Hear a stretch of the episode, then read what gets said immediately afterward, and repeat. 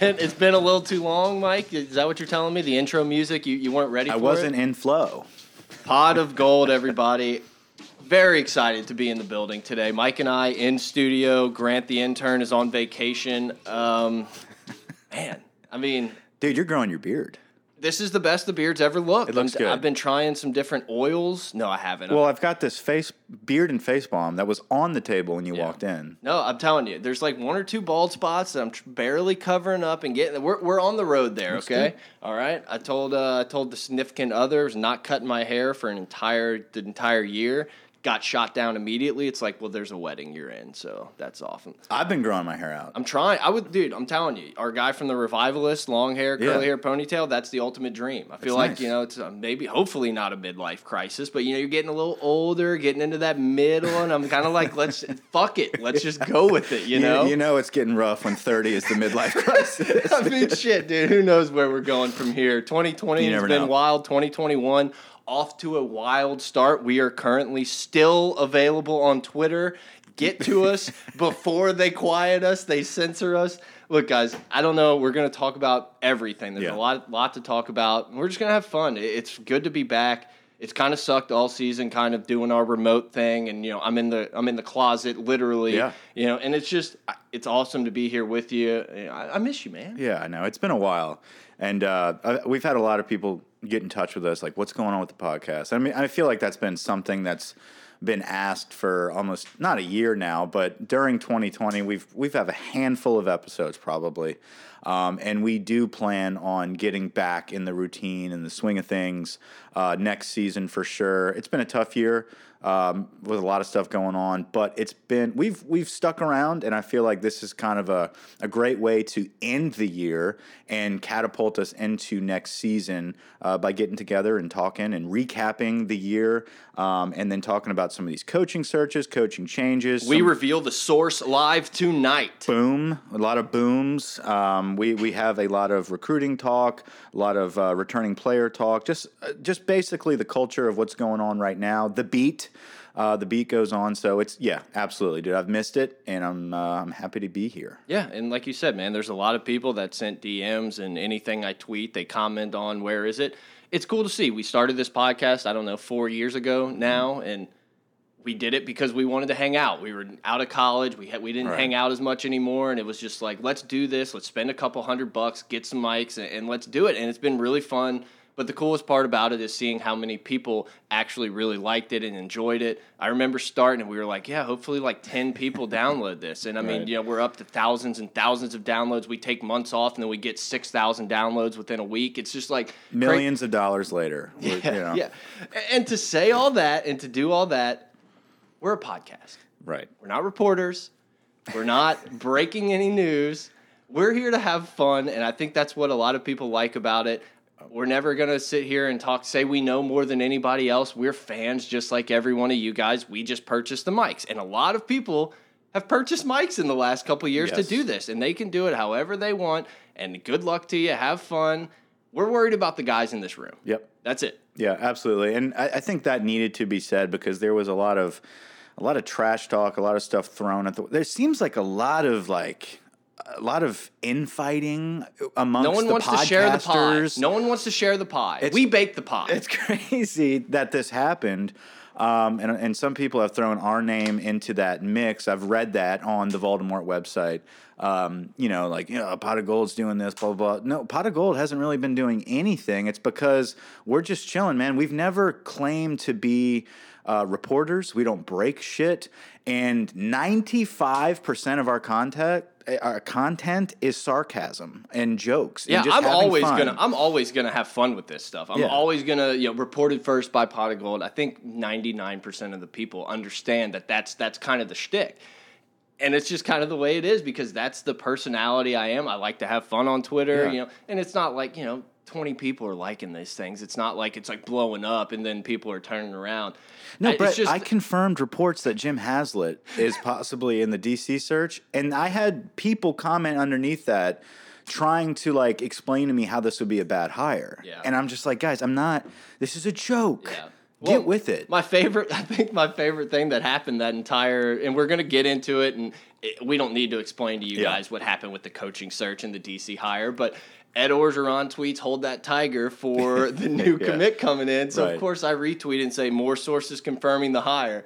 In the comments, like, no, this is about recruiting. It's like, bro, I fucking know. I comment on every one of these hold the tiger.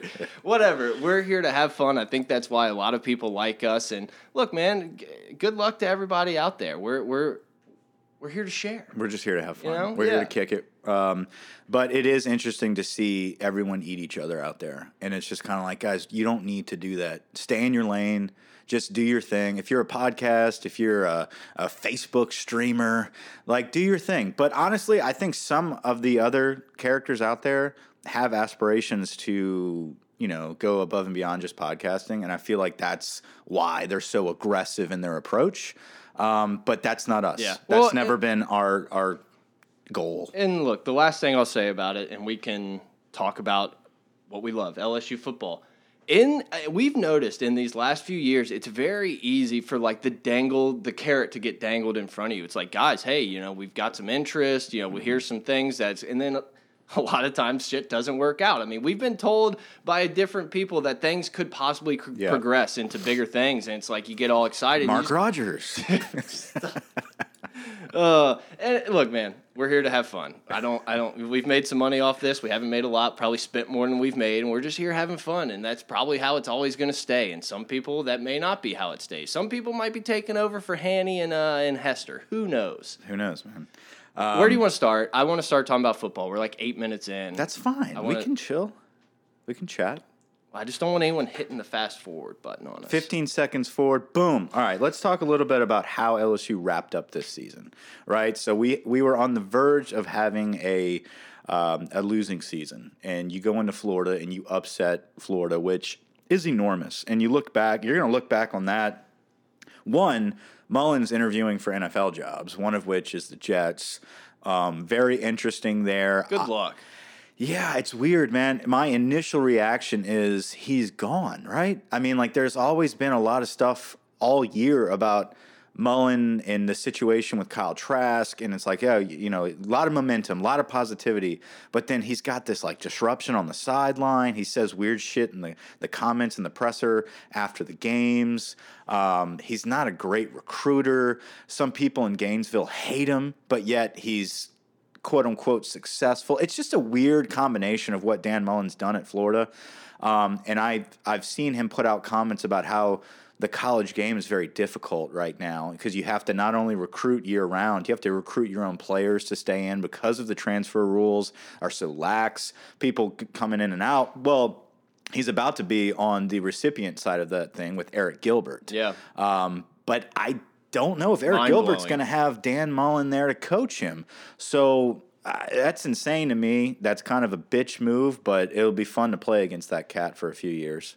It's going to be interesting because the NFL made that little quick switch, and you're seeing Joe Brady take a, a, lot of advantage of it. It's who's the young guy, who's this new guy, and now all of a sudden it seems like this year we're kind of transitioning to, hey, what do these college guys have? Yeah. I mean, it, it- all the rumors reporting is that Urban Meyer's building his staff for the Jacksonville Jaguars. I think Mullen if he wins it, if he gets the opportunity, he's taking it. I, I'm still not positive these NFL teams are going to want to trust this guy who's kind of a goofball. I, I don't know how to put it. Who, He's- Herbs? No, I'm talking about Oh, uh, Mullen. Mullen. Yeah, yeah. Mullen, you know, he's going to Darth Vader or whatever. Like, he's just weird.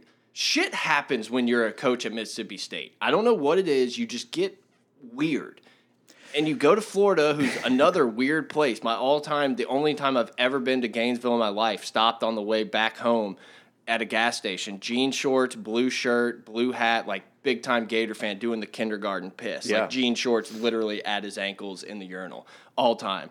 Uh, Mull- Mullen's just kind of different, and you're like, I don't know that that plays. And I'm going to say the same thing about Urban Meyer. I don't know that that plays in the NFL. You only get one five star a year. You don't get to recruit three, four, five, and six.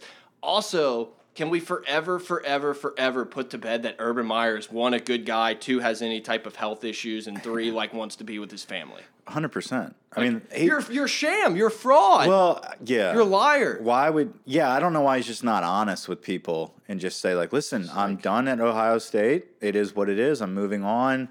I'm probably going to be back, Look, but look, not my here." next chapter. You know, give me the the Kevin Durant Yeah. front page article. Yeah, we're not buying any of that crap. What I will say about Mullen um, and the NFL in general is I feel like the job security there is so much greater. Once you enter that NFL fraternity, it's almost like you never leave. You're always just They getting like to tossed recycle. around.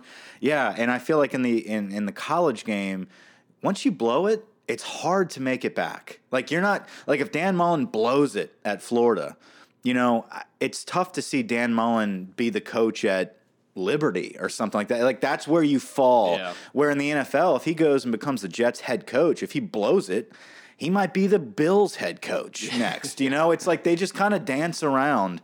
And I feel like Mullen has kind of put it out there that the college game, it's just not worth the risk. It's it's you you're always moving around and you can always just depreciate your value. And it's so much harder to keep you know, get those guys recruited all year round. Where you go to the NFL and you're kind of set. You're kind of in this little mode. Some people's motives are a little different. You know, like a guy like Cliff Kingsbury, he could come back to the college game and get a head coaching job anywhere. He could go to USC. Which is crazy because he's know? never been a good coach. Exactly. And that's what I'm saying. Like you go to the NFL and all of a sudden it's like, I can kind of stick around here and dance around for years and make it look like I'm a solid ass guy. Third and 18, season on the line. You run a sprint option for zero yards and punt. It's wild. Have to score a touchdown. Season's over. Punt. Punt. It's harder. The college game is harder to be successful, and it takes. I mean, that's why there's so few guys that become elite and stay elite. Yeah, um, and I mean, look, we're not going to talk much about Saban, but that's one of the things that's really impressive about him is that like the grind never stops, and it seems like he loves it. I can't imagine how like little fun, and it, I know it's more fun when you're getting 18 five stars a year and Yeah, getting whoever you want. now, yeah. But recruiting's a grind, man. Like you have to constantly never stop calling different dudes, texting. Like it's just I don't know, man. I, I just it's not for everybody, and it's just some people are built for it. And it's like I understand. I completely understand why Joe Brady didn't want to spend all of his off time texting and playing Madden and trying Yeah. to tell these kids how great he is and everything. It's like you're 30 year old dude. Like you want to be doing your I. I don't know. It's weird. I, I think a lot more. I think the NFL is going to end up getting even more people now, like you said, because things are even more wild. You don't when you win a recruit, you don't win them for three years No. anymore. You don't win them for four years anymore. You you it's a yearly type of thing, Yeah. and it's just kind of it's just the way it's going by now. Arik Gilbert, we were like, oh my god, we're definitely going to win one championship with this dude. He's out the door in four months. Yeah. And that's, you know, what? it is what it is. And that's the nature of the beast right now. And that's what happens when you you win a national championship like we did. You're going to get a bunch of cats that have never seen the campus, don't know anything about LSU, and they just want to go there because it's the hot name. And that's what happened. That's what happened with Arik Gilbert. That's what happened with JoJo Earl. That I mean, you're going to attract top talent, but if you don't sustain that top talent, that top impression on the game, they're going to bail. that's what happens. Yeah, You know? yeah. Look at Marcel Brooks. I understand there was probably some other circumstances there, but it's like you just you just played as a true freshman on the national championship, unbelievable, best team of Yeah. all time, blah blah blah, and then you're like, I, I got to get out of here. Yeah. you know, I, I so that's know. a problem, and that's that's where teams differ, right? That's where programs that can maintain and sustain championship levels they differ. It's because you you ride that wave of momentum. LSU got hit with a bad deck of cards with the COVID situation. I don't want to keep blaming COVID, but Ed Orgeron did not handle that situation to the best of his ability. It sucked. If and COVID would have happened in 2019, we would have beat the shit out of everybody. Yeah. You know, it's like we had if if a lot of if we wouldn't have won the title and a lot of these dudes came back, we probably would have beat the shit out of most people. You know, it's Yeah, just it was it was definitely a, a combination of everything. I mean, you know, you show up in the locker room, uh, you know, sit in your your space shuttle chair, and you look around, and you're like, I don't even know any of these guys. Mm-hmm. Right. And it's just that was it was a tough deck of cards to be dealt. Everyone was dealt the Yep. same. Some people had more experience coming back. Blah blah blah blah blah. New coaches, I'm sure, it was even more difficult. But it, yeah, it was but it was not tough. right. But not everyone was coming off of a national championship where you you were dependent on that wave of momentum and and everything that happened the year before. And you didn't get to cash in on that. So You don't blow it. Yeah. The first game against Mississippi State. You somehow find a yard on the goal line against Missouri, and we're all looking around like, eh, not bad. We got Right. our ass kicked by Auburn and Alabama, Right. but we weren't ready. No, there's a lot of there's a lot of different perspectives you can That take. Auburn one still hurts because it's like, God, they were not good. Bo Nix sucks. A and M could have beat A and M. Oh, I mean, yeah, there's a that one- lot. There's a lot of perspective. Like I just said, that that could be different if if little things happen here or there. But that's the name of this game is is the what ifs. Now let's discuss the end of this season, and I think this is the rally. The rally of what this program could eventually turn into it started at Florida. You're at the tipping point. It was Yeah. going one way or the other fast. And it started with Arik Gilbert's opt out news. Um, obviously, you had shit happening all year with people quitting and not wanting to do this, blah, blah, blah. But when Arik Gilbert did it before Florida, it was more of a, oh my God, this is worse than we thought. What is about to happen? When we went to Florida and pulled off that victory, galvanizing.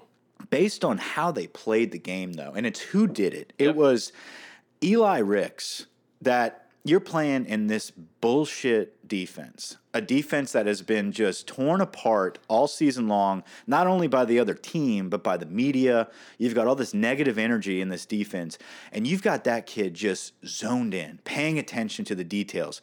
Same with Jay Ward, same with Dwight McGlothern. These guys are all in. That was so big to me. I watched that and said, you know what? All this year, I've had this disdain, this attitude of, I don't really give a shit what happens this year because guess what? They don't give a shit. Yep. But then all of a sudden, you're watching this Florida game and you've got these young freshmen that are giving a shit. And so I started buying into that. I said, this is this is the future of our program. You look at how locked in they are, how aggressive they're playing. The pick six against Trask. I mean, just enormous. Um, the way Max Johnson, his first start, right? His first actual start, he has to start his first snap up on the oppo- uh, on the opposition's one yard line. That's I mean that is Max Johnson to the T's, always backed up, trying to dig himself out of a hole, and he did it all game long. Um, you look at Koy Moore. Koy Moore was all in. Whether he made any crazy big plays that Right. game or not, you saw how involved and into the game he was. Just talking with Max Johnson after every series, going over plays. Those freshmen wanted to be the heroes and wanted to be the foundation moving forward, and they accomplished it, and it started that game. We moved on to Ole Miss. Yeah, no, I agree. I think that I, Boutte came out. Boutte, I mean, a problem. Yeah. going to be a problem. No, it was a it was an absolute foxhole moment. You know, I love Terrace Marshall. Good luck in everything Yeah. you do, but you can't really give a speech and then bounce a week Yeah, later. it's And I really Very think, confusing for the youngsters. Yeah, I really think it was a, a foxhole moment of hey, look around because the only people left in this room are, are with you, and it's Mm-hmm. like if you're not with us, you're against us. You know, you can use whatever type of rallying cry you want, but it, it really did feel like one of those galvanizing type things where everybody came together and realized like, hey, no one gives a shit that the, these other guys won. They're gone. I think they did as good as humanly possible, bouncing back. The defense still didn't look great. The offense kind of picked their head up and, and got some plays done, but guys played with heart, and that's mm-hmm. all. That's all you ever really want to. And like you said, it's like if I'm going to watch at home, standing up and yelling and getting mad, it's like I just want to see the same on the other end because I'm just the idiot sitting at home. You know, I got a podcast to do later. on. Oh yeah. So, and, and, you know, just to cap off the season the way we did, we can talk about Ole Miss. But yeah, Boutte is an absolute savage. It's kind of sad when you score with like no time left, and you're like, too much time, left too much time on the clock. But hey, they pulled it out, and then undefeated in bowl season. Yeah, absolutely. That's a big one. And you know, That's a big one. And that was a decision we made. yeah three and zero in the last three and zero in the last two bowl seasons. Pretty impressive. Yeah. Stability. Stability in the program, I think, is something that we were searching for the whole year because you saw it get wrecked in the beginning against Mississippi State. You said, oh shit, here we go. And then it never really got better until the Florida game. And I think when that happened, you you kind of had a, a little glimpse of hope, a little glimmer, a little shimmer in the distance of maybe we do have some stability to build this program back on. And it starts with these guys. You didn't really see it from John Emery. You didn't really see it from Ty Davis Price or the offensive line. You saw it from Max Johnson, Boutte, Koy Moore. Your skill guys. Yeah, you saw it from these true freshmen out Yep. there that were trying to make plays, not the guys that you really depended a lot on the year before. And so that is good because eventually those guys are going to be back to fruition. I mean, you got almost the entire O line coming back. Which and is great. it's excellent. You have a lot of people being like, "Oh, well, they sucked. Why would you want them back?" That's it's about experience. Experience is, I think, in college football, offensive line experience is more valuable than anything Yeah. else. I mean, there's so many times where it's like, oh, I, I just remember seeing it was something like Virginia or Virginia Tech, and it was pretty much that debate. It's like, well, they're all coming back, but like they weren't that good, and then they turned into like Sure. a decent one. It's just a, it's about reps, it's about continuity with your guys, it's knowing what the other guy's going to do. Yeah. I agree. It's like I, I'm definitely more excited. I think you know we talked about the skill position guys getting it done and being the guys. It, it has to transition to the trenches. Mm-hmm. That's what Alabama has. That's what these good teams have. Everyone, LSU has the skill position players to match up with anybody in the country. Maybe you know I, I'd say even even the Ohio States and the Alabamas. They have that talent. What differs is Alabama's got monsters. They get five, six offensive linemen every recruiting class, and four of them turn out to be studs. And they wait. We're getting two and hoping that the one. It's like, look, man, I still think Kardell Thomas could be a really good player and stuff, but it's like we haven't seen him in two years now, and it's like that would be okay if we got two other guys in that class. And it's like, hey, Yeah. you know, well, let's hope sixty percent of these guys work out. Yeah. it's not how it's working right now. No, and you know how you balance that out? If you don't pull in that five star Alex Leatherwood or whatever, you've got a guy uh, like Ed Ingram or like Hines that stay for three years. And so you've got those guys that can play and have that experience, and you get that continuity. You get that communication um, that's just going to be so fluid amongst that line where you're not calling timeouts because you're not on the same page with each other. Where Can't block four. Right, you're not giving up sacks. You're not, oh, I've never seen a delayed blitz on a twist before. It's like, no, you have for three years now, champ. Like, let's get this together.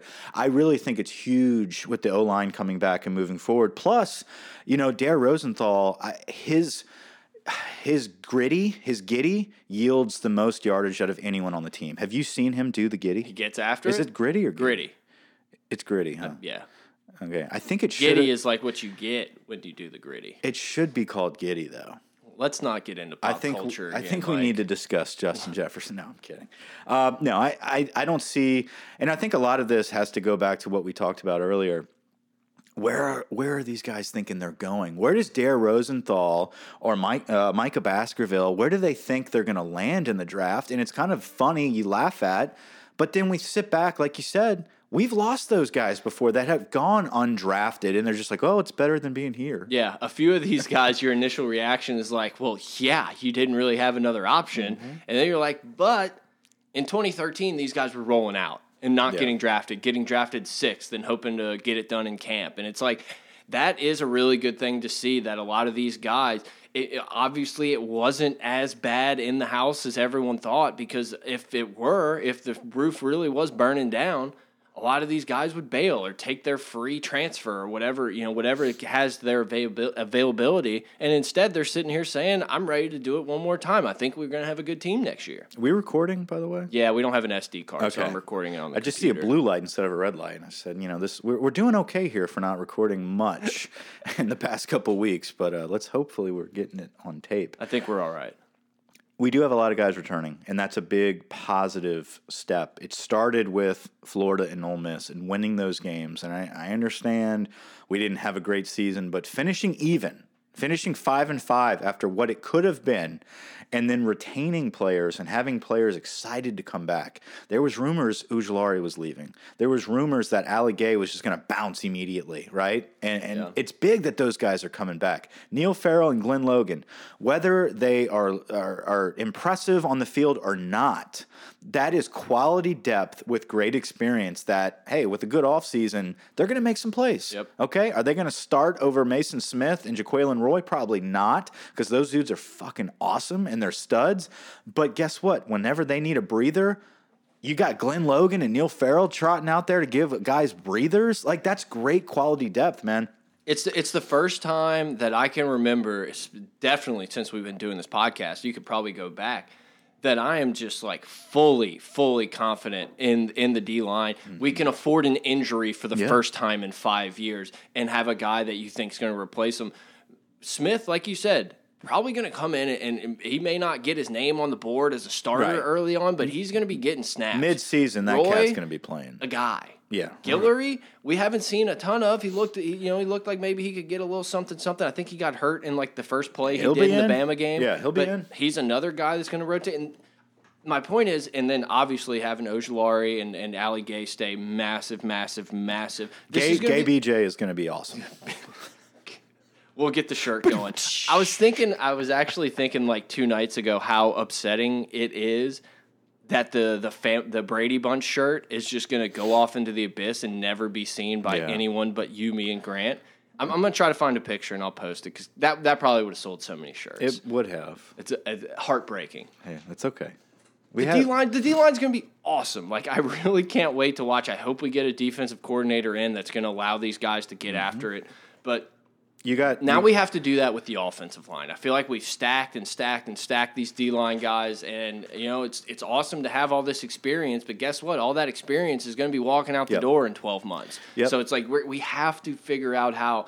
Tristan Leigh, I, I get it's like it's easy to go to Clemson or, or Alabama or Ohio State, but it's like we have to we have to either start pulling those guys or say fuck it and we're going to grab six three star guys and hope that two of them pay off. we got to start developing the young guys as well. Yes. and I think that that looks like an issue where I I, I think the entire I don't know three fourths of the offensive line room is freshmen. I Mm-hmm. mean, like we have a lot of freshmen, like Dumervil, and uh, yeah, the list goes on of Mostly of just Dumervil. Bradford, I think, was a red shirt. I mean, there's a lot of guys that are in there Yeah. that can play that were highly recruited that we just haven't seen any development. I know they were freshmen though. I mean, you got to give these guys time to develop. We were merely freshmen. And I'm naked on the. F- uh, I just remember naked on the floor, Of course you do. not the other song, naked on the floor. Um, but I, I do believe we have good young players there. Now, the the the the magnifying glass, I guess you could say, is is on Cregg. I think his spot right now is being magnified. People are looking at him and saying, "Can you not develop this crew? What is the deal here? Why can't you close on Tristan Leigh? Like, what is the deal there?" I know they got Garrett Dellinger, big pickup. Uh, I believe he's from Michigan. No relation. No relation uh, relation to Delhi, right? No, no. Ross is not an uncle or anything. No. Confirmed sources. Good class, though. Let's move on from just looking at the offensive line. I think it's big that they're returning and you do buy some time. Unfortunately, we're going to have to keep in that transfer portal for offensive linemen. Which uh, I don't think's a bad thing. It is- You know, I don't know that. I don't know that. Unfortunately, maybe three, four years ago, you looked at that as like a we have no other option. Let's get a guy that no one else wanted Well, type I- of thing. But I don't out of think the Ivy Leagues? I heard we were trying to get another one. Yeah, I know. But uh, you know, it's it's true though that there are actually like a lot of quality players that are going to be in the transfer portal, moving around. It's just not like it used to be, where it's like, oh, this guy couldn't make it at Virginia Tech, so he's out in the transfer portal. Like guys transfer for so many weird reasons now, and it's like, oh man, my coach is a dick or something, and it's like, hey, Arik, come on, Arik Gilbert's body hurt. yeah, That's yeah. why he left and went to Florida. It was fun to watch everyone just like absolutely rip that guy, and I'm sure Panamsky sent in the call like, "Hey, we still might be able to keep this guy in the 180." It's like, guys, guys, we don't know what he's going through. He's got a mental issue. It was really, I, I did super. That's one of those where you just look and you see the big grin, like you know, Papa O sent out Yeah. the sent out the hey, chill the fuck. It's like now but he's at the same to Florida. time, It's like, oh, he wants to be Kyle Pitts. I get it. but at the same time, Ed did throw that out there and like kind of threw him under the bus. So I mean, I don't know. Maybe Ed did want that. I, I I'm not sure. Who uh, cares? Kid's gone. yeah. He was weak. Did not want to stick it out. Good luck to you, man. If you want to go to Florida, good. I hope we beat your ass twice. Yeah. It, I mean, you'd have fun having Emory Jones try to throw you wide open pass. It's just not going to happen. You thought the stick routes with Finley were bad? Get ready. So we close on some some really good players. I'm not going to go through the entire list of the early signing day guys, um, but just kind of the notable players. Uh, you do have Chris Curry leaving the team, and then so we signed two running backs, two very good running backs. Corey Kiner was Mr. Ohio. I mean, there, here's a guy. Last time we had a Mr. Ohio, it worked out pretty worked well. Worked out very well. Armoni Goodwin, a running back that I believe was originally going to Auburn. I was thinking Spencer Ware. I guess probably Burrow's in that category too. yeah, I didn't know. yeah, yeah, I was I was on the Burrow part. Um, I looked over and saw him. I was like, oh, hey, actually, I think Bo- Burrow probably had that honor. Pretty good pictures, huh? I liked it. Yeah, send out the tweet. Let's We've got it- the framed uh, Top Cats and the Heisman Trophy um, newspaper there framed. So I don't know, cool little memorabilia wall. That's how I remember LSU football. yes, please. um, yes, please. Anyway, so Goodwin and Kiner come into the running back room. Uh, so you're going to have obviously, uh, you know, the two top guys with Emery and Ty Davis Price. I think that's a great job by Kevin Faulk. First year as a Mm-hmm. coach, really actually getting after recruiting. Can't go see people. You know, we heard the stories. Kevin Faulk was there three hours before Orgeron to talk to a player. Couldn't do that this year. He still, and LSU's run game was abysmal, atrocious. I Mm-hmm. mean, pick the adjective you want to use, and he still was able to grab two top 10 running backs. I mean, sign me up, man. I'm in. Very big. Um, so you've got quality depth there. You don't just have walk ons, or you don't have a guy like Bradford who kind of reminds me of a cat that would be there for a couple years and maybe get some plays as a slot and then come in. I mean, like he, we, I feel like. Any other year, Javante Bradford is not playing as much as he did. Correct. You bring in a guy like Armoni Goodwin and Corey Kiner. Now you've got like serious SEC style running backs as your depth. And guess what? No one's earned shit. I mean, there's no, There's, there's, a no, chance you're going to see them play a lot. Yeah, there's no earned spot. I mean, I think the best guys are going to play. Do I think probably Ty Davis Price and Emery would have an edge? Sure. Yeah. I don't think anything's given at this point. I don't think anything's given at quarterback. I don't think. I mean, I think Boutte is has got a spot. Yeah. I, other than that, Yeah, I think it's pretty pretty fair game. Uh, Maason Smith comes in as probably the biggest signee of this class. Um, very important recruit. You lose, you know, there was a period of time um, where we were going through what 2012 ish through 2018 maybe, where Alabama just if they i mean basically they were holding auditions and you know and that's how they would get their kids and they were plucking guys. And Yep. you you see the result of that. We're we're so so weak right now at linebacker. But you look at who's playing for the national championship on monday the starting linebackers are Christian Harris, Dylan Moses, and Christopher Allen, all from Baton Rouge. Right, right in the backyard. campus. Not even in state. Like, yeah, That's- adjacent. Stadium adjacent. Right. And and like that's those are guys that at least one of those guys should be starting for you right now. Um, every year you would just have them kind of take their pick at the top guys. You can't tell me they did not want Maason Smith. Everybody wanted him. Like that is a huge recruit that Ed said this is priority number one. I'm a D line guy. He's from where I'm from. Um, this I'm so jaded by it. I thought I didn't think we were getting them. Uh, No. you know, you could see whatever Yeah. reports here, whoever it's said down to this. it's down to Georgia, LSU, and Bama. yeah, It's like oh, oh, so we're gonna our hats just on the table. Right. So then Bama was out of it, and you're like, wait a minute. That's interesting. It's now down to Georgia and LSU and USC, whatever. Um, so basically, it's Kirby versus Ed for this kid. And usually, in recent past, and how this season has gone, he's gone. He's going to go to Georgia. That was everything I had thought. I was just so pessimistic Yeah. about. Well, and you know, Kirby and Georgia are kind of known in the circles for really more negative recruiting than recruiting they their own they school. want, however they do it. Exactly. And so you think, oh my God, you know, uh, in his ear every day is probably saying, look how bad LSU is. One hit wonder. I mean, you know, pretty much Yeah. take Twitter and show Oh, it to Ed, the kid. Ed'll be fired next year. Yeah. Don't go there. Yeah, uh, and so you know that's a huge, huge get. And when you look at it, you're like, yeah, you should get him. He's in your backyard. But guess what? That's not how things have gone. Yeah. So it's Good get. massive, massive. Massive get, and he will play immediately on Yes. the defensive line. Like you said, Brett, I don't know if it's going to be one of those things in the program game one. Uh, Maason Smith's your starting defensive tackle. It's possible, but by midseason, He's playing. that guy is going to be on the field, and you're going to know his name very well, uh, along with Jacquelin Roy. I, I think those Mm. two guys in the interior are a man, like you said, might be some of the best two that we've had next to each other in a long time. We've we signed a lot of guys that we hoped panned out, um, but then their their partner next to them was kind of a developmental guy. Right now, these two coming in, uh, Roy's here for a year now, but Maason Smith coming in to play with Roy. It's the first time you've kind of had the top defensive tackles in the state back to back years um, that are actually you know, worth it. They're actually where they have been valued in the recruiting rankings. Right. So will it will it be next year that they're absolutely elite and dominating? see. Maybe not. I mean, it's hard for you know an 18 year old to go up against a 22 year old Yeah. man at Alabama. Yeah. But you know, it's it just reminds me of, and I'm blanking on the other one's name, but in 11 when you had Brockers and um uh, Logan. yeah exactly like you had two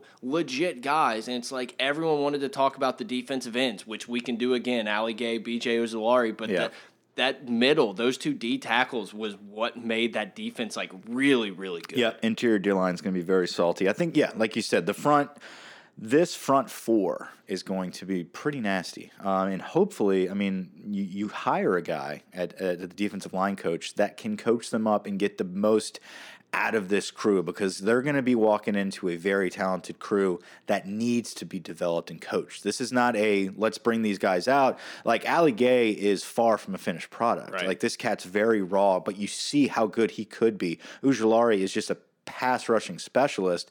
Now you actually coach him up and beef him up a little bit and have him as an every down defensive end. That's scary. You need to develop that though. So D line hire is sneakily one of the most important hires of this offseason. Now, the next guy that I have highlighted here, which is one of, if not, Maason Smith's very important. I think Sage Ryan at safety right now coming in is enormous because we had zero, zero safety this year. Which is year. unacceptable. Mm-hmm. I mean, honestly, it's really unacceptable for LSU not to be able to just keep churning out the Jamal Adams type guys. And maybe that's because Pivato's back in that Houston area recruiting. I don't know. but yeah, I mean, LSU has, for as long as I can remember, had at least one like absolute dude at safety. Yeah, it's inexcusable, like you said. Um, I think Corey Raymond does an incredible job at our corners. Um, we transition to having Bill Busch really focus on one sect of those DBs, and that was that was the safeties. I think he did a good job of of um, uh, of development when it came to fundamentals at the position. But for some reason, there was just this drop off of in game instincts. Like the kids out there, it looks like Harris. Um, it looks like specifically, um, what, what's his name? Your boy, fourteen. Mo Hampton. Mo Hampton looks like he has no clue. Yeah. No, Mo Hampton has no clue what he's doing. when at he safety. came in last year, it was downhill. Like, hey, just play fast. And it was like, hey, yeah, this Yeah. is awesome. And then when you see it this year, you're like, But then you got a guy like Toles that you sign that's supposed to be some big shot, and he doesn't get to sniff the field. He Yeah. can't unseat those guys. So it, it's Look, I, I, I love Jacoby Stevens. Great Tiger. Thank you for everything. Move on. I'm glad that we're gonna have a guy. We're not gonna have a guy that's like, oh, well, we can play him everywhere. It's one of those like, well, if you can play everywhere, can you play in one spot? Yeah. Like it's just every time I watched as a fan, as someone who doesn't know as much as 99 percent of the people out there, I just didn't feel like I was like every time he was at safety, I'm like, what are we doing? Yeah. What are we doing? This guy's good at the line of scrimmage, not back there. So you got a guy you're you're bringing in Sage Ryan, who is the number one safety in the Shout country. Shout out Ryan Sage. There you go, number one safety in the country. Uh, a guy highly recruited, and it came down to a very emotional decision between LSU and Alabama, like it always does for these top recruits. But this is one, you know, whenever you win that battle, it usually bodes very well for LSU. Yeah. And Sage Ryan is a cat that's going to come in and start from day one at safety and bring in a much needed presence in the defensive backfield to go along with a stacked defensive backfield with Stingley, Ricks, Jay Ward. Flott's going to be floating around in that um, nickel spot. You could have Sage Ryan step in McLaughlin. McLaughlin, Whatever. however you say his name. Yeah, I mean, I thought that dude looked great. LSU's always going to have corners, man. And, like, you know, it was easy to kind of shit on some of these guys early on when everyone was getting beat. And it's just like, I, I yes, I get it. But also, these guys weren't really supposed to be playing yet. Like, this Mm-hmm. coming year should have been like the first time you really saw a ton of the Flott and the Jay Ward type of guys. Yeah. And it's just not how it happened with opt outs, people leaving, blah, blah, blah. Kind of get thrown to the fire and kind of got cooked. But Yeah. That's okay. Took their lumps. But they stepped up big at the end of the season, and you that learn, goes you back. get adjusted to the speed of the game, and you figure out why you got beat and how you got Yep. beat and what you can do instead of just sitting on the sidelines and running scout team and letting you know Finley and Max Johnson throw the ball up. You actually got legit game reps and got your ass beat, and that's probably a good motivation going into this offseason. Absolutely. Moving on to a couple of the wide receivers, uh, you, you pull in the number one player in Mississippi with the Smith kid. You got Chris Hilton, Malik Nabers, who who flipped to us late, who apparently is like that under the radar stud type cat. Don't know much about him, um, but I, I hear really good things. Jack Bech, that guy is going to come in and and be a terror. Um, his connection with Walker Howard Yeah. at St. Thomas More was very impressive to watch. I did not get too into the recruiting cycle this year, um, but towards the end and and you know after signing day happened, really diving deep into some of that tape.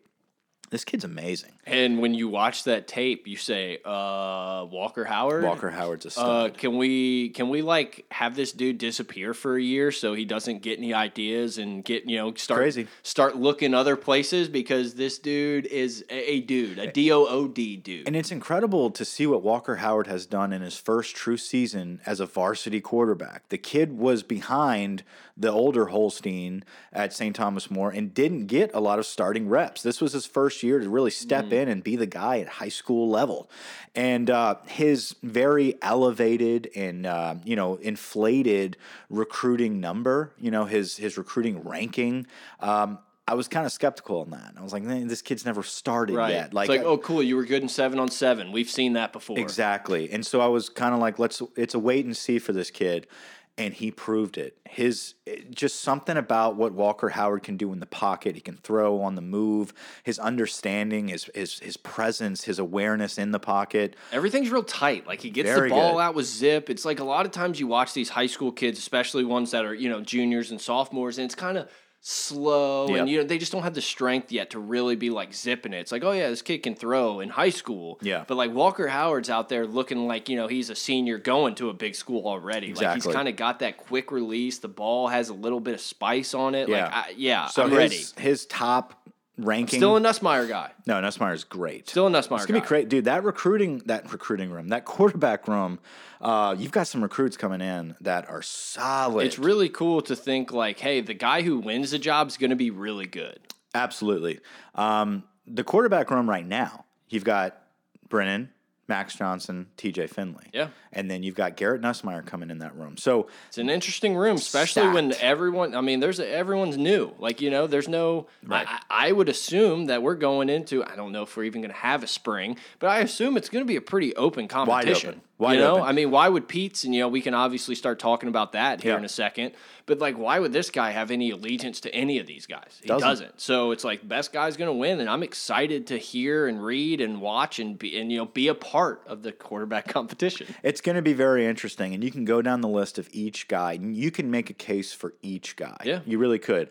Now, Nussmeier is going to need to prove it. I think Nussmeier is on the outside looking in on, on winning the starting job next season.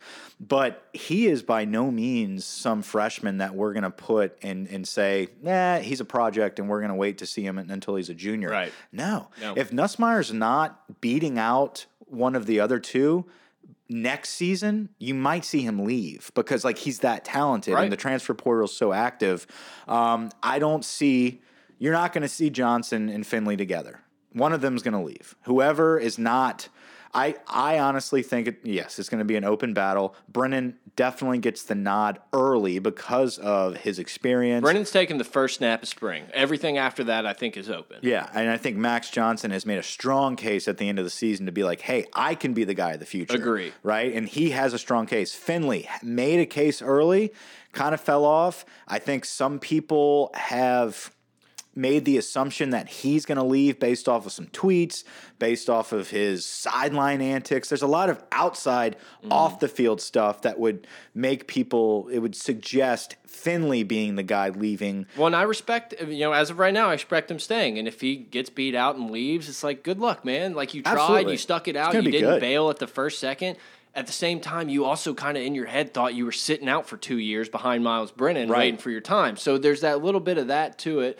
But yeah, I agree. You look at Finley and you probably say, like, you know, if we're just checking marks of, intan- you know, arm strength, blah, blah, blah, going down the list, I mean, this dude's probably leader in the clubhouse. Yeah. But it's a different story when you get on the field and, And you, you know, have- have to make quick, quick decisions with 300 pound men trying to kill you. Yeah, and your whole the the whole story of LSU flipping the script at the end of the season was on the back of Max Johnson. I mean, like that was Yeah. a big moment for that kid to win those last two games and how he won them. It wasn't easy. I mean, mean, this it was close games where you had to have a leader at quarterback. Bring your own guts type of game. Bring your own guts. Bring your own shoes. The, the cat was sprinting around. He moves well. Yeah. Max Johnson's a very good quarterback. I love Max Johnson. Um, I think TJ Finley is a guy that you thought was going to be a project um, and be here for a couple years and develop. All of a sudden, he's got this coming out party, and now it's kind of like his head's inflated, Yep. and it's kind of like a wait a minute, I'm the guy. Not Playing Max. South Carolina first was not ideal. Yeah. So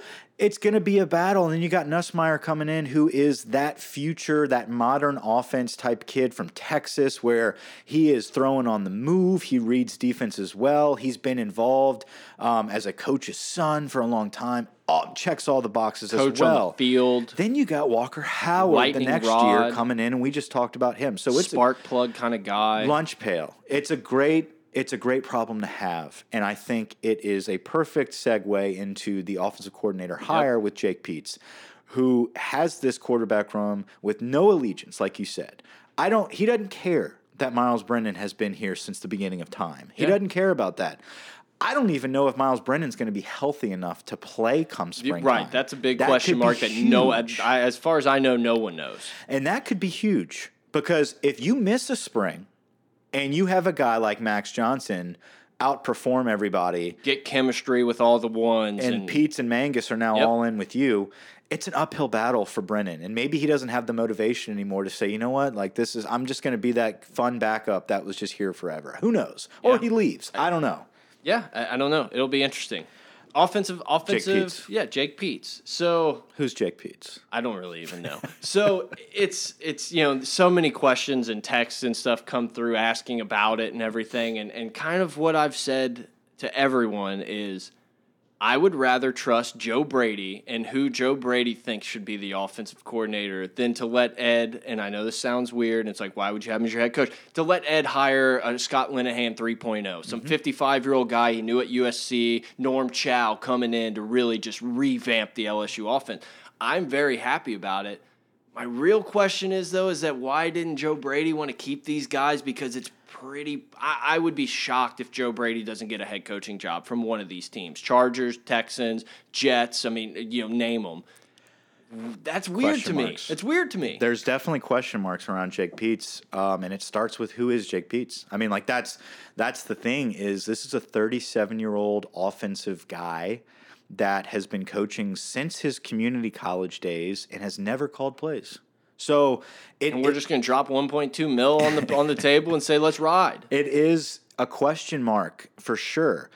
But what is not a question is does he have motivation to be great? Does or does he have motivation to come to LSU and retire? That's the difference. Is you you took a national championship program the year before and both sides of the football, you put it in the hands of guys that were here for good. Cruise That- control that they kind of wanted- guys. Not that they didn't want it. Not that they didn't work hard. Ensminger loves LSU more than anyone. Blah blah blah. I completely right, agree Bo with you. Pelini was not using LSU to be a head coach again. Right. Ensminger was not using LSU to catapult his name to the NFL.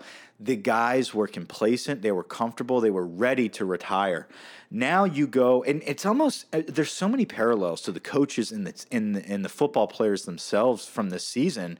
Um, you could see that the players that were established already from the national championship, they were complacent. They didn't give a shit about this season. They wanted to go to the NFL.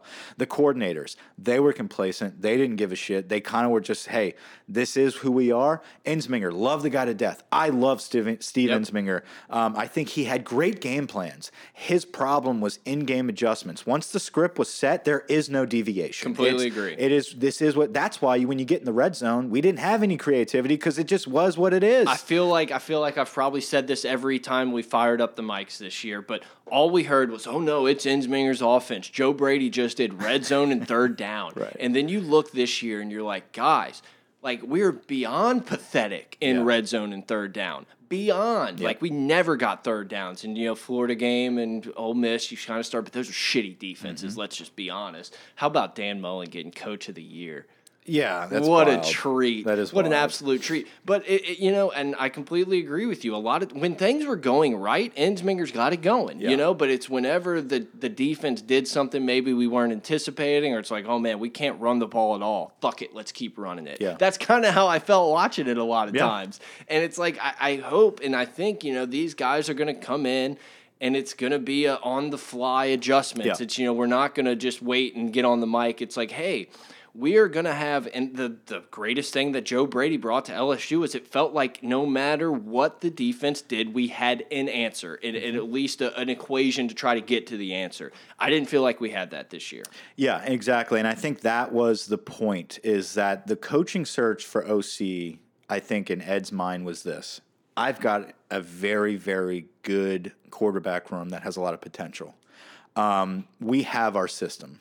We we know what we want to do. And even with E, who understood the system, who didn't have any feel for in-game adjustments, was able to piece together a decent offense. Yeah. If you really think about it, like it's a middle If we, if we had a good, a good, not Yeah. great, a good to average defense, we win two or three more of those games. And that's what I'm like. It wasn't like this offense was just atrocious. It wasn't the problem. Mm-hmm. The problem was a feel for the flow of the game, understanding the strengths and weaknesses of a freshman quarterback and what they could do with the limitations we had in our running game. And you know, we we made some decent game plans, but like we said, there was just no in-game feel. Now, your search is not focused on I need to find a guy that knows an offense. Right. It's no, we know, we know the offense we want. We already have the offense we want. We want a guy that has a good in-game feel and also has a strong emphasis on quarterback development. Yep. And I think Jake Peetz checks those boxes of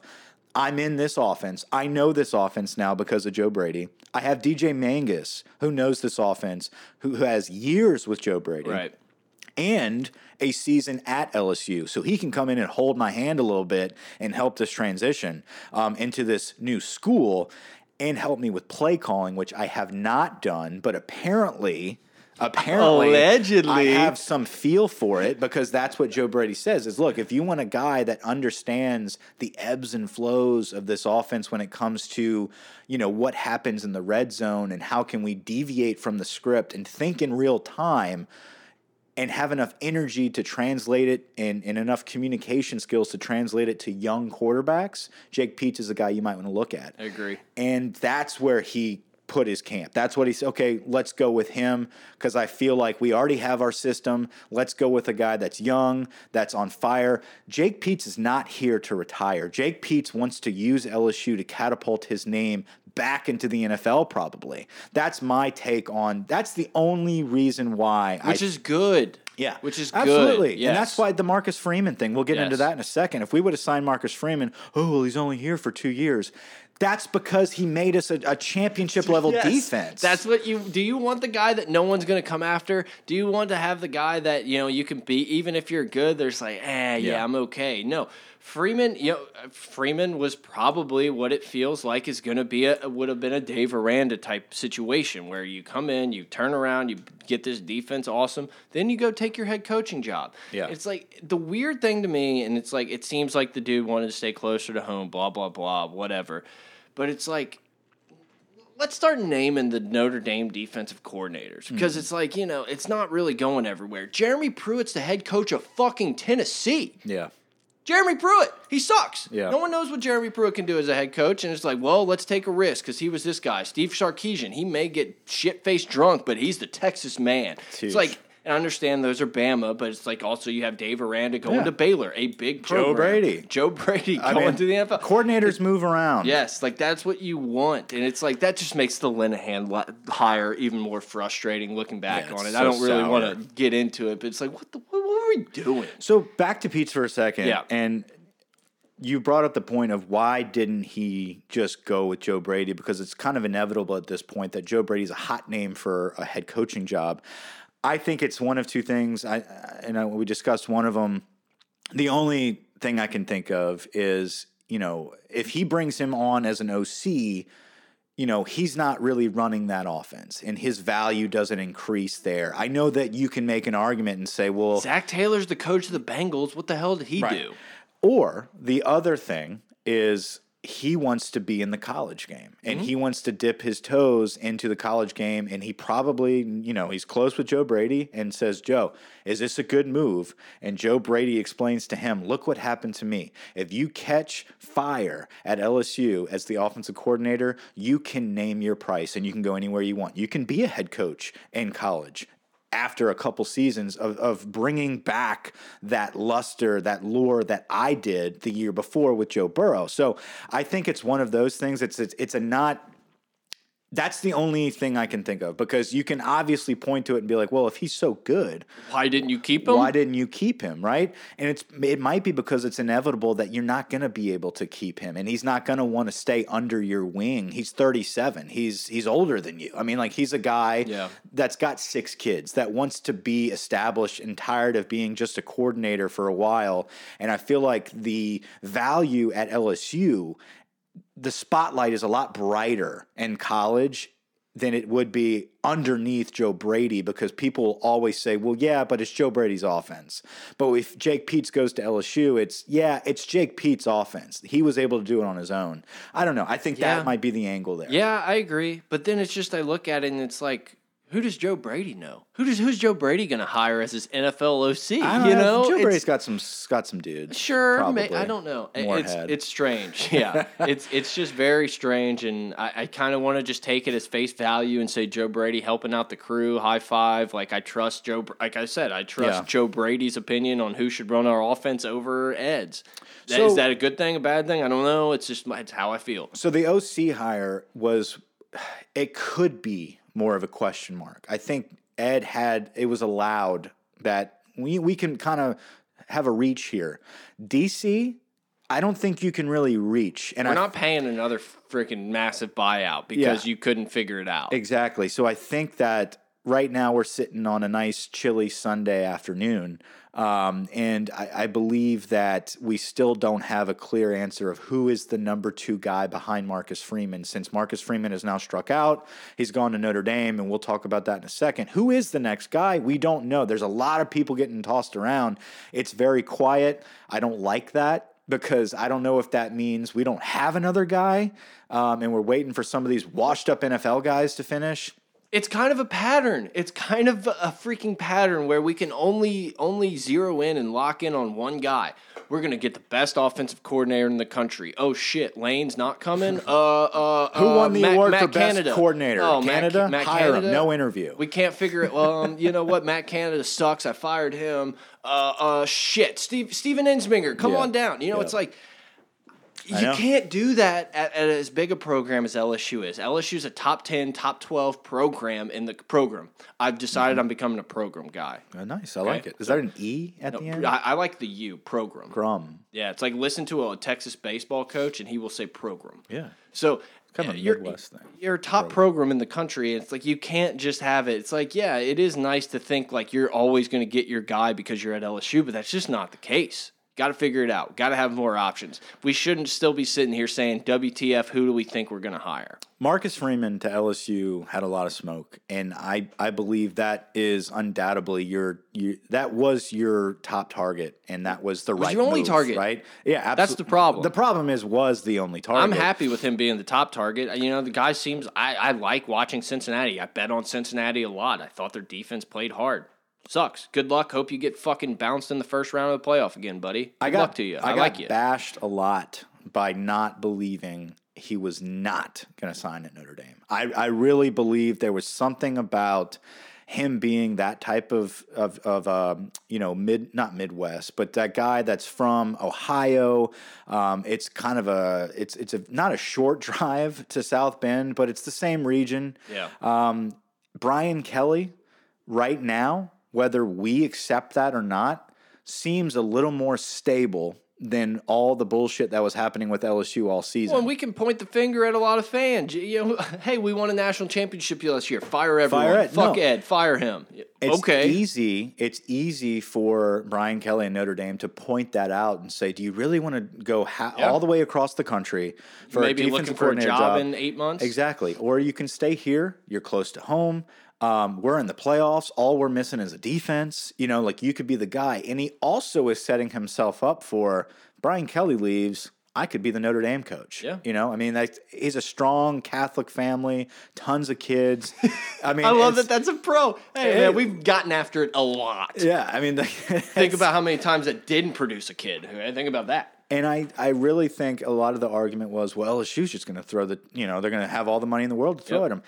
That's fine. And I understand Notre Dame, you know, on paper may not have the same amount of money, but they don't need a private place like Notre Dame does not need to tell you how much they're really paying their Yeah. guys. Notre Dame's got the boosters. Yeah, and so he's going to get paid a lot, maybe not as much as he would have at LSU, but was LSU's offer enough to offset what Notre Dame's appeal was? And it just wasn't at the end of the day. And maybe it's true. Maybe he came down here just to up the ante a little bit for Brian Kelly, and he never had any intention to actually go to LSU. Is it a, That's fine. Is it a bad move? I think both moves. Honestly, if I'm if I'm a guy from Ohio playing at Ohio State, and the only place I've ever coached my entire life has been up in Ohio, um, I'm very close to Luke Fickell, and I know my next stop is probably a head coaching job. Notre Dame, DC sounds pretty nice. I look, I completely agree with you. My only only thought of that is I think when you're if you're the Notre Dame if you're the Notre Dame DC, you are more looking for a small power five or even like a Liberty, like you said, Mm-hmm. you know, one of these schools that's not really in it. Whereas if you come to LSU and do it, Yep. the big boys are knocking at your door. USC's knock knocking saying, Hey, I'm ready to get Helton the hell out of here. Why don't you bring the defense? We'll find the OC for you. I just think that LSU has the potential to get that better job. It's like, you know, I Yeah. think the guy from uh, Notre Dame is at Vanderbilt now. Yeah. That's kind of what and then you're before looking at. Before that, that guy is now the DC at A and M. At- Yeah. So it's like, you know, you're kind of looking at Believe, this and it's like, I, I don't know. I don't know. I, and Yeah. it's like it may be the purple and gold glasses, but when I look No, at it. I just think like, yeah, you're more likely to get a legit Oklahoma State could be opening up in a couple years. You know, a bigger job than the Vanderbilt job or, or something where small. It's like, hey, we need you to go to Minnesota and prove that you're a you're you're a really good head coach, and then we'll give you the job. we feel that way because we know the trends of LSU. We know the benefits of it because we've been studying it since we were 10 years old, right? Like we understand where these coordinators can go and what their opportunities are. It seemed like Marcus Freeman in that camp, you know, they established Notre Dame because they felt like it was more secure now. Yeah, and that's, fair, right. and I think that's fair. Yeah, absolutely. And that that that's my point. My, I'm not sitting here trying to argue that it's a better job. Right.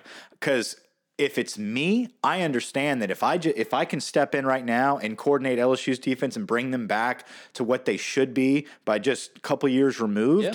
Absolutely. I can name my gig. I can go anywhere in the SEC and I understand that SEC is going to pay more. It's more prestigious. It is what it is.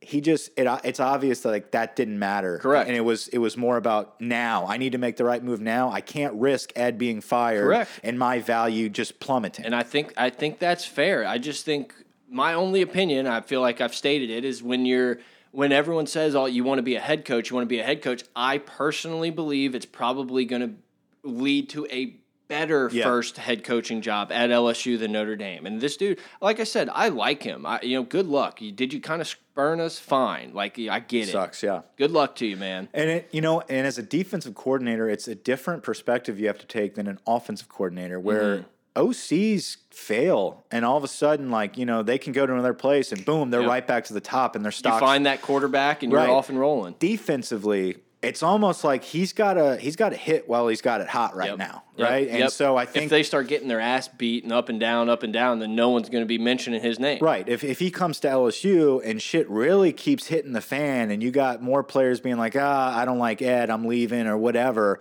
Marcus Freeman's not a big name anymore. Yeah. Where at Notre Dame he can kind of get away with it because it's like, yeah, well, it's Notre Dame. Notre Dame, we got a bunch of Yeah, white guys. he's I mean, really like we're good. He's but- good, you know, but you know they're they're typical Notre Dame. So I get it. I understand where he's coming from and why it happened. It sucks because yes, I think he could have come here and just blown Yep, it out the park. I agree. And I I, think if you couple that with the Jake Peetz hire and how we ended the season, it's kind of like It was a recipe for some we're action. back. Yeah. like this is this is looking good. Um, now you can get the Raesjon Davis kid, uh, the linebacker out of California, is back in. Uh, now all of our players are bought back in. The morale, the attitude, the culture. Look, Marcus Freeman checks a lot of the boxes that are are, are big for our culture to be back, and I think that was a big move. Yep. Didn't work out. On to the next guy. Who Yeah. is that? Fuck if I know. Yeah, no, no clue. I will say I did think it was kind of weird, and it just kind of shows the times we're living in. When Notre Dame announced Freeman or whatever, they did, you know, the the Photoshop graphic with him in the Notre Dame gear, but one of them had him in a mask. I'm like, I feel like I, I don't, I don't know how to feel about it, but I was feel cold. I feel something about you like photoshopping a guy in a Notre Dame mask. It's like He guys, follows the rules. I No, get- I- you know what I'm saying? It is funny. it's weird. It's I didn't like, even. And what's show us your face. What's funny to me though is I just realized that now that you brought it up. Like I'm so desensitized to people in masks on pictures and commercials where it's like Well, Taylor and I were talking about it too. It's like it's weird when you watch like a documentary or something and people are just walking around. You're like, hey, hey, hey, Yeah, where the mat? Oh, this- this was probably filmed in 2017. yeah, these guys are these guys are wild. Like you can't just go into a bank like that. Are you kidding me? So good for Notre Dame, whatever. Um, on to the next guy. A lot of guys that have been, you know, put out there, some names that have been floated. Barry Odom, the Arkansas DC. It's been put out there that he's staying at Arkansas and he's not entertaining anybody. He already turned down Texas, apparently, interest from Sark. Um, some other interest from Texas. Corey Raymond was offered the the DB job. Doesn't look like he's going there. It's kind like, of yeah, that seems like why. if you want to give him the DC job, He'll- he'll he's up. gone. But like he's not leaving DBU that he made to go be a DB coach. yeah, it's like I'm gonna look around and I'm gonna see Stingley and and Flot, not Flot, uh, Ricks Yeah. and these guys, and then you got guys coming in. And you're like, yeah, let's let's give it a dice roll at, at no, no. A hire that is gonna suck if it happens, but it's like the most Ed Orgeron panic button thing to do is Kevin Steele. Um, I could see him interviewing him. I will say, I will say, Good at least this time, if we had Kevin Steele, I think we'd have the defensive line, Yeah. like Auburn had when Kevin Steele had a good defense. That I, I'm not, I'm not promoting, not saying that's what I want. I feel like it, it feeds into his defense better if because we're gonna have a stout front four. Yeah. Zach Arnett, he is the defensive coordinator at Mississippi State, and he's a guy that is is pretty hot right now. Texas has interviewed him as well. Um, it seems like we're going to battle Texas for a, a top DC. Um, but but Arnett is the type of guy that I want us to go after. That young up and comer um, that does have coordinating experience. That looks like is a solid get and somebody that you can get for a little while.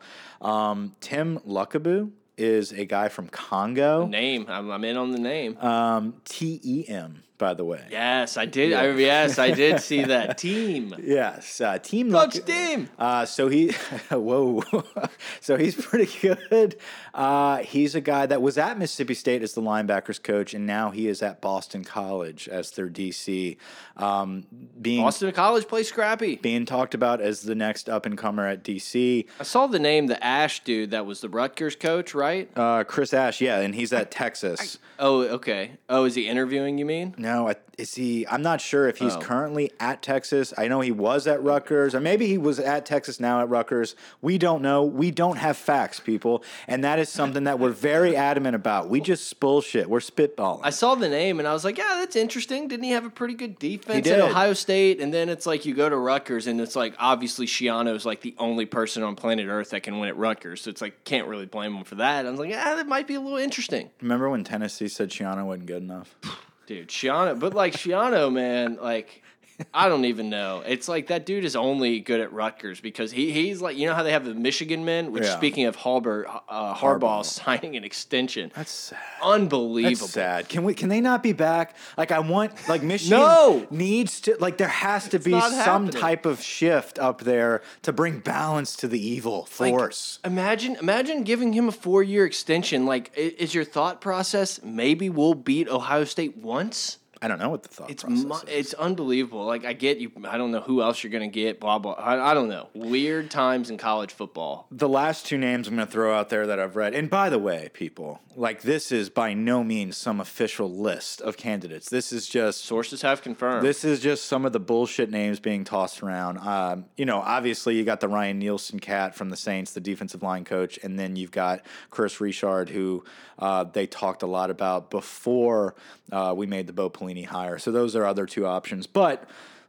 Charlie Strong seems like the type of guy that the eyes you gave me as you said, Well, Charlie, it was like you were a sad dog that knew you took a dump in the back Yeah. room, but I didn't know you took a dump in the back room. Like, tails Charlie tucked like Strong. hey this you know he's at bama he's at the rehab clinic of coaches um, and he is somebody that has traditionally in the past been a great defensive coordinator no one on planet Earth has ever filled out a turtleneck like Charlie Strong. facts I mean, facts. Like him and him and Ed and a neck off would be a sight to that's see. tough beautiful head i mean like y- like the structure of that bald head i don't know how he does it Solid dome. Um, incredible dome. I think Will Muschamp is also a guy that I think they would talk to if they didn't have the Bo Pelini disaster just happen. I think that is what's going to prevent if if Muschamp would have been the hire instead of Bo Pelini, I would have been shooting fireworks last year. I'm telling you, man. Like you can look at the websites and people have no want for Muschamp. Yep. I can't tell you. I would be excited on the inside if we got Muschamp. I don't know how much You're I'd not be able allowed to tell people it. exactly. It's like it's kind of the opposite. like Whenever Derek Mason. people got hyped on Tiger Drop on uh, Voldemort and different Yeah, websites easy. about about Bo Pelini, I'm sitting there like, guys, are we sure?